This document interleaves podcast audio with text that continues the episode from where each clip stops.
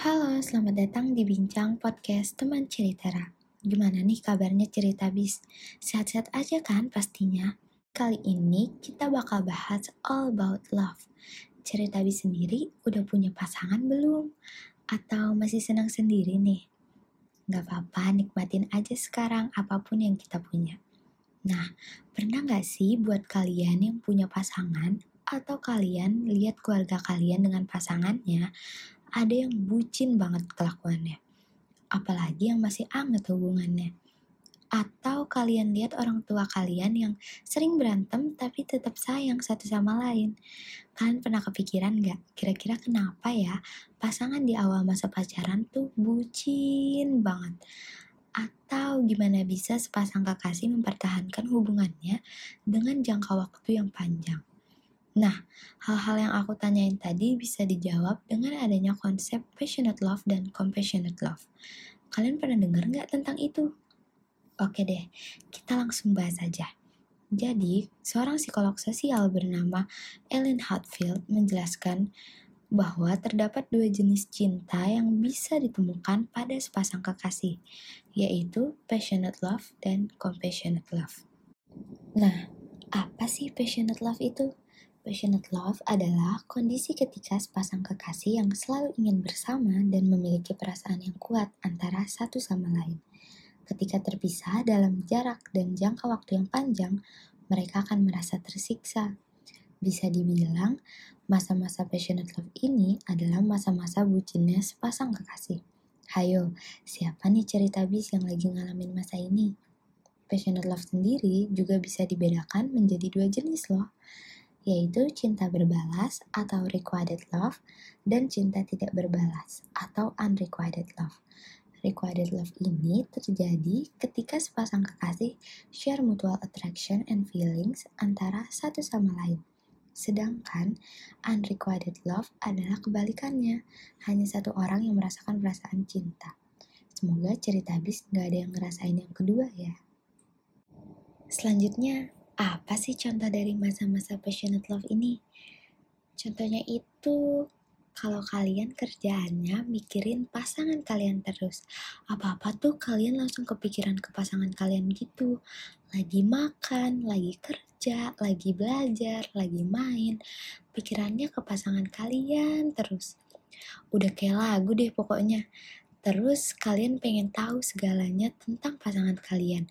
Makanan yang disuka, film yang disuka, warna favoritnya, genre lagu kesukaannya, dan kalian pengen banget pasangan kalian melakukan hal yang sama. Selain itu, kalian merasakan perasaan yang kuat terhadap pasangan kalian, bahkan menganggap pasangan kalian adalah takdir dan menganggap hubungan yang dijalani tanpa kesalahan. Terus nih, kalian bawaannya pengen ketemu terus sama pasangan kalian, pengen deket-deket terus. Nah, itu bisa disebut sebagai masa-masa passionate love. Ya, pokoknya seperti yang udah dibilang di awal, masa passionate love itu adalah masa bucin-bucinnya sepasang kekasih. Dan biasanya ditemukan pada hubungan di awal pacaran atau pasangan yang baru menikah. Nah, kalau compassionate love ini apa sih? Compassionate love atau yang sering kali disebut dengan companionate love adalah kondisi ketika sepasang kekasih sudah mulai pada tahap mempertahankan keintiman, rasa percaya, komitmen, dan kasih sayang.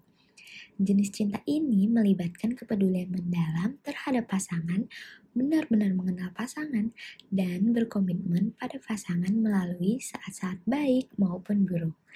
Bahkan, ketika terjadi perselisihan, pasangan tersebut tetap saling mencintai satu sama lain. Sebenarnya, sepasang kekasih yang mulai memasuki fase compassionate love ini tetap merasakan hal yang dirasakan pada fase passionate love loh, tetapi intensitasnya yang berkurang. Terus, apa aja sih yang bisa termasuk dalam fase compassionate love ini? Contohnya itu bisa kalau kalian sama pasangan kalian udah punya komitmen untuk menjalin hubungan dalam jangka waktu yang panjang. Terus kalian bisa saling terbuka antara satu sama lain tentang hal apa pun. Dan kalian udah punya kepercayaan yang kuat antara satu sama lain. Biasanya hubungan ini ditemukan pada pasangan yang sudah menjalin hubungan dalam jangka waktu yang panjang.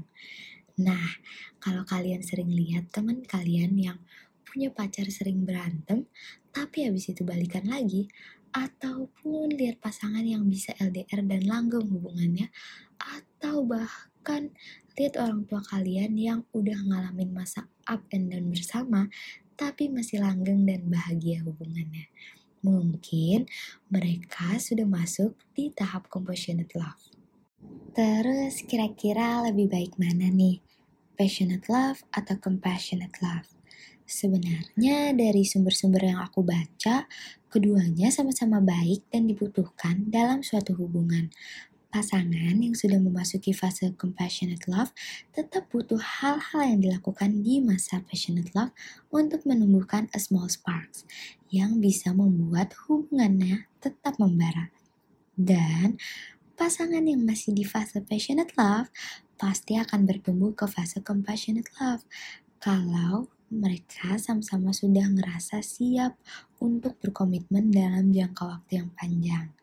Karena ya memang sebenarnya sepasang kekasih pasti mengalami masa passionate love dan compassionate love.